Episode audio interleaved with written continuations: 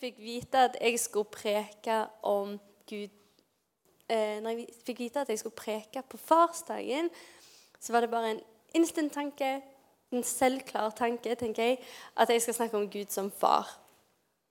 Og eh, da gjør vi det, tenker jeg. Er ikke dere enige? Jo. OK, så eh, Jeg personlig har eh, hatt det mye lettere for å tenke på Gud som konge, som allmektig, som herre. En som elsker meg, og en som jeg kan elske tilbake og følge. Det har vært mye lettere for meg å forstå. En jeg kan vie livet mitt til. Men å se på Gud som far har jeg syntes var litt sånn Jeg vet ikke helt. Så hvor begynner man, da? Hvor begynner man når man skal tenke på Gud som far? Jeg, det første jeg tenkte på, var min egen pappa. Og jeg har hatt en utrolig fantastisk pappa. Det har jeg. Jeg har hatt en pappa som har levert meg i barnehagen kun for å hente meg en og en halv time etterpå fordi han har lyst til å være med meg. Han vil leke med meg, han vil lese med meg, han vil danse med meg i stua, og han vil lekeslåss med meg. Faktisk til den dag i dag. Jeg var hjemme for noen uker siden, og vi lekeslåss som om jeg var fortsatt fire år. Jeg vant. um, men han er en fantastisk pappa. Han har sittet i timevis med meg med lekser. og Han har lært meg å sykle og kjøre moped, båt og bil. Han har lært meg å ta med snop i lomma når jeg går på tur for å dele med andre. Jeg har hatt en sjenerøs pappa, og jeg har en sjenerøs pappa som aldri stopper å si at han er stolt av meg. Men min pappa er ikke Gud. Så hvordan ser det da ut, egentlig? Det er en svensk teolog som heter Olof Edsinger. Han skriver en artikkel om det her med Gud som far.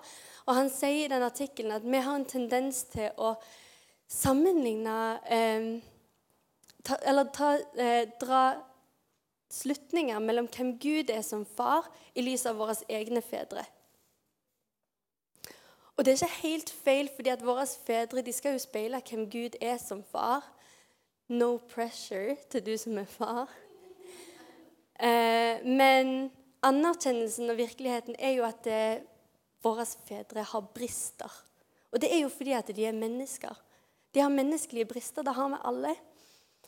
Um, så koblingen mellom min pappa og Gud som far den vil aldri være fullkommen på så mange måter. Selv om jeg tenker jeg har den beste pappaen på jord. Men så er det kanskje akkurat derfor, da. Pappa er bonde til det som er på jord. Han er et menneske. Men Gud er over det. Gud er over det han har skapt. Gud er ikke begrensa av skaperverket han har laga. Og i spennet her mellom den begrensa mennesket og den allmektige, fullkomne Gud, så ligger det en lengsel og en bekreftelse som vi lengter etter hele tida.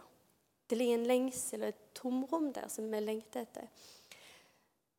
Som jeg kommer tilbake til flere ganger i dag. Men la meg bare påpeke før jeg fortsetter. Jeg har så stor respekt for det her at jeg er så klar over at jeg har hatt en fantastisk pappa, og jeg er veldig heldig og at det er for mange av oss som ikke har den opplevelsen. Det er for mange av oss som eh, har eh, et helt annet forhold til pappaen sin på så mange måter. Et mye mer komplisert og kanskje helt mer mangelfullt forhold til sin pappa. Og det er òg litt av poenget som vi vil fram til i dag. Fordi at der mennesker ikke strekker til, der strekker Gud gjennom. Og sånn som Gud er konge over alle konger, så er Gud òg far over alle fedre. Men jeg kan ikke bare stå her og snakke om min pappa for å sammenligne han med Gud, men vi må gå til Bibelen og se hva Bibelen sier om Gud som far. For å bli kjent med Gud på alle måter, så må vi til Bibelen, til Skriften, for det er her han åpenbarer seg til oss, svart på hvitt, hvem han er. Han kan åpenbare seg på mange måter, men her gjør han det faktisk svart på hvitt. Så hvordan kommer det da fram i Skriften? det her? Ordet 'far' i Gamle testamentet det står 1200 ganger. Da tenker du kanskje å, det står veldig mye om hvem Gud er som far i Gamle testamentet.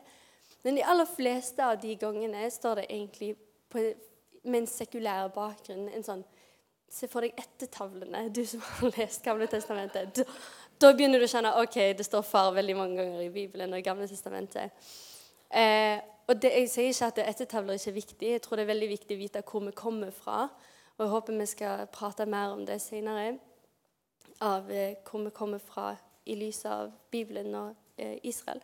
Men eh, det er noen unntak eh, disse gangene det står eh, om Gud Nei, om, som det står om Gud som far. Og et unntak er Jesaja 64, 7. Der står det Men nå, Herre, er du vår far. Vi er leira, og du er den som former oss, og vi er alle verk av din hånd.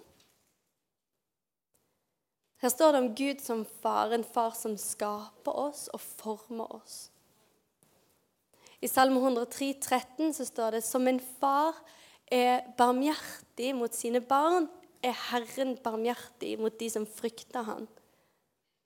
Og Jeg tenkte i utgangspunktet at det her var et enkelt bibelvers, men jeg søkte opp 'barmhjertig', og det er at du viser at du er omsorgsfull uten at det er forventa. Det glemmer jeg å tenke på. Jeg tenker, ja, Alle vet hva barmhjertig er, men nei. Barmhjertig er at du er omsorgsfull uten at det er forventa. Og de som frykter han, det betyr ikke at du er redd og gjemmer deg under teppet, sånn som når du ser Forhåpentligvis så ser du ikke en skrekkfilm, men hvis du ser en skummel film eh, Det er mer snakk om gudsfrykt, en frykt som er preget av ærefrykt og tillit og kjærlighet og lydighet.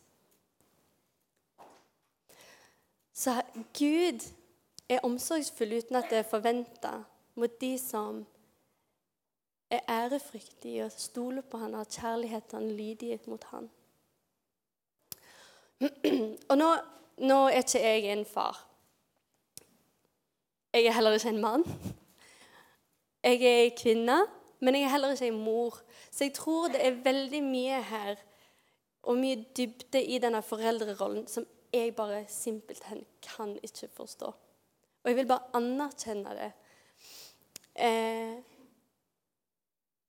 men kanskje jeg en gang, hvis jeg er heldig, så får jeg oppleve litt av den dybden. Men du som er far og mor her, du vet dybden. Du kjenner på i ansvaret av å forme, av å oppdra og av å elske dine barn. Så du kjenner allerede litt på noe av det Gud kjenner på for oss alle. Og her I disse to bibelversene så kan vi se hvordan Gud er en far som vil oppdra oss, som vil forme oss, som vil gi oss omsorg. Men jeg må bare anerkjenne på dette punktet så, en, så er det en dybde her jeg ikke ennå kan forstå, gitt at jeg ikke er forelder. Men nå, over til noe som jeg kan kanskje forstå litt mer. Det er eh, noe vi skal over til nå, det er hvordan Jesus viser at Gud er far. For ikke bare har Gud åpenbart seg gjennom Gamle testamentet, men Gud har åpenbart seg gjennom Nye testamentet og gjennom Jesus. Jesus er Gud, og Jesus er summen av det han sa og det han gjorde. Og litt, La oss se litt på hvem Jesus er. I Jesaja 9,6 så står det For et barn er oss født, en sønn er oss gitt. Herreveldet er lagt på hans skulder. Han har fått navnet Underfull rådgiver, veldig Gud, evig far og fredsfyrste. Og Nå er ikke det meningen å gi dere litt julestemning her. Jeg får litt sånn julestemning av det bibelverset. Og det er ikke jul.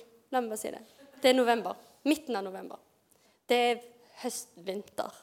Det er det, det er ikke jul. Men her står det at Jesus er evig far. Jesus er òg et bilde på Guds fars kjærlighet. Og det hele kan bli litt sånn forvirrende. Um, men jeg tror vi kan få et litt større glimt av treenigheten og denne kjærligheten i Jesus sin siste bønn før han blir, korsfest, korsfesta, og faktisk gjennomfører den største kjærlighetserklæringen.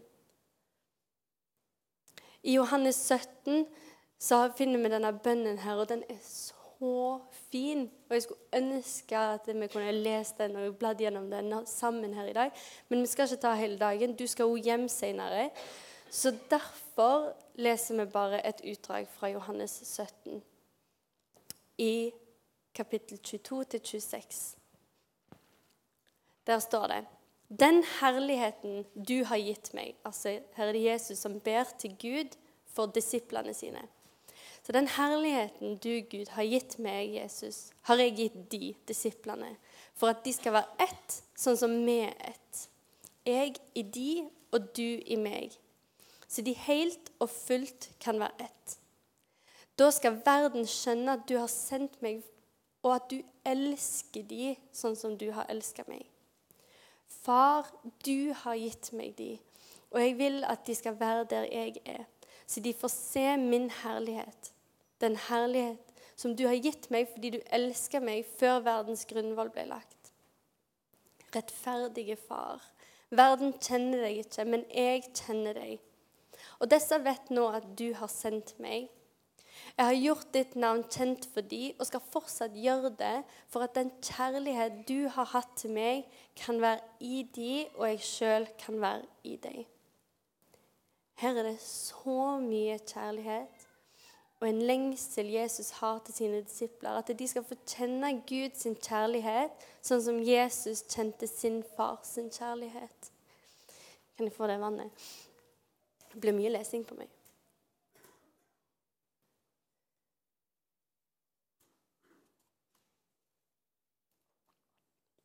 Jeg kan ikke annet enn å se den lengselen her når jeg leser denne bønnen. At Jesus lengter etter at disiplene skal få kjenne den kjærligheten. Og det, det oneness, den etten som de er. Et annet prakteksempel på Guds fars kjærlighet er lignelsen Jesus forteller om den barmhjertige sønn. Nei, den bortkomne sønn. Den bortkomne sønnen i Lukas 15, eh, 11 32. Jeg skal ikke lese hele, men det står der. Og det handler om eh, to sønner. Den yngste ber sin far om sin del av arva. Og det er en handling som i bunn og grunn betyr at jeg, du kunne vært død for meg. Det er en forferdelig forespørsel. Helt grusomt. Faren gir han arver, og han drar vekk, og han sløser det i et vilt liv. Dette er en sykt dramatisk fortelling. og så angrer han, og så tenker han ja, ja, da får jeg komme hjem, da. Hjem og hjem. Jeg får komme til min fars gård. Kanskje jeg er så heldig at jeg får lov til å være en av arbeidsfolkene der. For jeg er i hvert fall ikke sønnen hans lenger. Faren sin respons derimot i denne fortellingen er helt urovekkende. Han er ikke sint, han er ikke skuffa, men han er full av medlidenhet og skamløs kjærlighet. Idet han springer mot sin yngste sønn, klemmer han og kysser han, og er så glad for at han er kommet hjem igjen. Han lager til en stor gledesfest for sønnen sin, og den eldste sønnen han blir, han blir sint. Kanskje han blir litt sjalu. Men faren møter sin eldste sønn òg på en måte, som vi leser i vers 31-32. Der, sier, der sier han Barnet mitt, du er alltid hos meg, og alt mitt er ditt. Men nå må vi holde fest og være glade, for denne broren din var død og er blitt levende. Han var kommet vekk, men er nå funnet igjen. Truls Åkerlund kommenterer denne fortellingen i boka si, men vi var ikke hjemme. Og Truls, Denne boka her handler om en lengsel som man alltid kan kjenne på. En lengsel om det å være hjemme, men man er ikke hjemme. Og Jeg anbefaler dere å lese den her. Vi har flere av den bak her hvis dere vil kjøpe med dere hjem. Det er en av de bøkene som har fått meg til å grine. men han kommenterer noen utrolig vakre ting om denne fortellingen i boka si. Han kommenterer en lengsel i begge sønnene her. En lengsel som vi kan kjenne oss godt igjen i, uansett hvor vi er på vår trosreise. Og Kanskje det er noe av den samme lengselen som jeg nevnte tidligere, den lengselen som våre jordiske pappaer ikke kan fylle. Truls skriver i denne boka at faren møter sønnene sine på en veldig spesiell måte. Han sier, 'Barnet mitt, du er alltid hos meg. Alt mitt er ditt.' Og Til den eldste så sier han det rett ut, og til den yngste så sier han det med å gi han en ring på fingeren, kle han opp og gi han verdigheten tilbake. Og her kommer det fine etterpå. Dette, det er denne relasjonen med far som er kuren mot lengsel på langtur. Målet for menneskelivet er å ære Gud og nyte Han for alltid, slår en kjerkelig bekjennelse fast. Å nyte Gud for evig. Det høres ut som en hverdag av smak av høytid, men den yngste sønnen har ikke kommet hjem for å fortsette feiringen han starta på i et land langt borte. Han har ikke funnet en fest, men han er funnet av en far. Faren sin respons til disse sønnene reflekterer den Gud ønsker å være som far for deg og for meg og for oss. Å springe på den måten som den faren gjorde i jødisk skikk, var bare tullete utenkelig, men det er det som er så vakkert med det hele. Gud bryr seg ikke om å se dum ut for å vise deg hvor høyt han elsker deg. Han vil gjøre hva som helst for å vise deg sin kjærlighet. Og det er det Jesus ord vil fram til når han demonstrerer det sjøl på korset senere. Etter Jesus ba den bønnen vi leste i stad, så utfører Jesus sjøl et prakteksempel på Guds fars kjærlighet. Jesus er nesten naken. Han er full i blod og svette. Han er pint, han er hengt på et kors, ufortjent, når han ber inntrengende om at 'Far, du må tilgi dem, for de vet ikke hva de gjør'. Samtidig så blir han hånt av de som ser på. Og noe mer ydmykende kan jeg ikke se for meg. Men dette gjør Jesus fordi han har så lyst at vi skal oppleve den kjærligheten å leve i vår fars kjærlighet. å Leve sammen med han, skaperen sjøl, og han som er herre over alt. Og Jeg vil sitere han teologen som jeg snakket om litt tidligere, han sier at det er først når vi får et møte med denne forunderlige kjærligheten, som er en fars kjærlighet til sine barn, at vi på dypet blir fullverdige mennesker.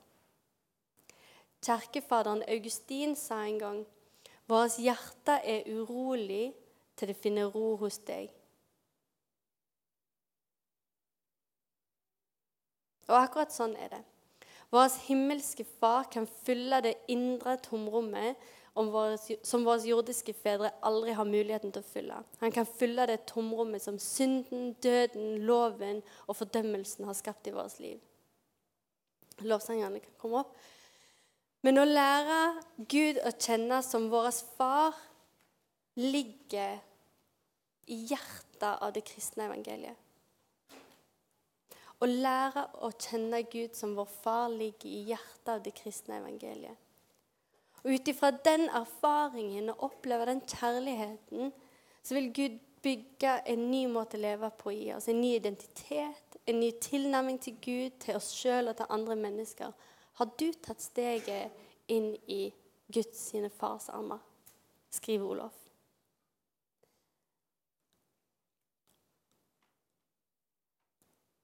Poenget mitt i dag er at det er farsdag. Og Gud, far over alle fedre, er en far noe likt våre jordiske fedre kan være, som vil oppdra oss, forme oss og vise oss barmhjertighet. Men dypere, det, dypere enn det så er Gud en far som har en kjærlighet oss, som vil strekke igjennom sprekkene pappaene våre ikke klarer. Gud som far fyller den lengselen som er i oss, etter den dypere bekreftelsen. Og om det er en dypere bekreftelse du bærer på om å bli elska, eller høre at jeg er stolt av deg, eller høre at du er tilgitt, eller hva enn det måtte være du trenger en dypere bekreftelse på av din far, så vil Gud møte deg der.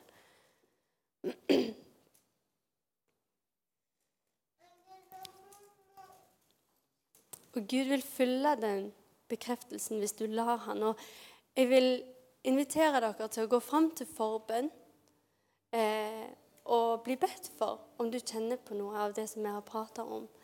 Eh, for Gud er en far. Beyond det du kan se for deg at din far noen gang kan bli, eller du drømmer om. Gud er den største, beste, perfekte pappaen av de alle. Og elsker deg på en måte som pappaen din aldri kan. Og det er veldig rart å si, fordi jeg tror min pappa elsker meg med hvert fiber av kroppen sin. Og da er det så utrolig spesielt å tenke at Gud elsker oss mer enn det, dypere enn det, bredere enn det. Og det er Vi er ikke verdig det. Men Jesus døde på korset for det. At vi skal få leve i det. Og fytti for en fin verden det blir når vi får tenne på den kjærligheten, leve i den og leve den ut til oss sjøl og til de rundt oss. Så eh, vær med og reis deg, så begynner jeg å be, og så um,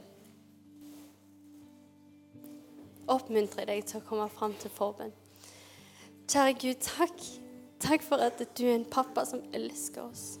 Takk for at du er en pappa som bryr deg det starter med deg, Gud. Det fortsetter med deg, Gud. Og Gud, du ser alle lengsler, alle bekreftelser vi har inni oss, som vi aldri kan få fylt av foreldrene våre her på jorda. Uansett hvor mye de prøver, Gud, så takker jeg deg for at du, du møter oss. Du strekker gjennom. Du strekker inn i oss. Og møte oss der vi trenger deg. Kjære Gud. Deg være ære. Amen. Takk for at du hørte på. Har du spørsmål eller ønsker å koble deg på kirka, ta kontakt på mail eller gjennom vår nettside. Håper du vil høre på neste uke også, eller at vi sees på gudstjenesten.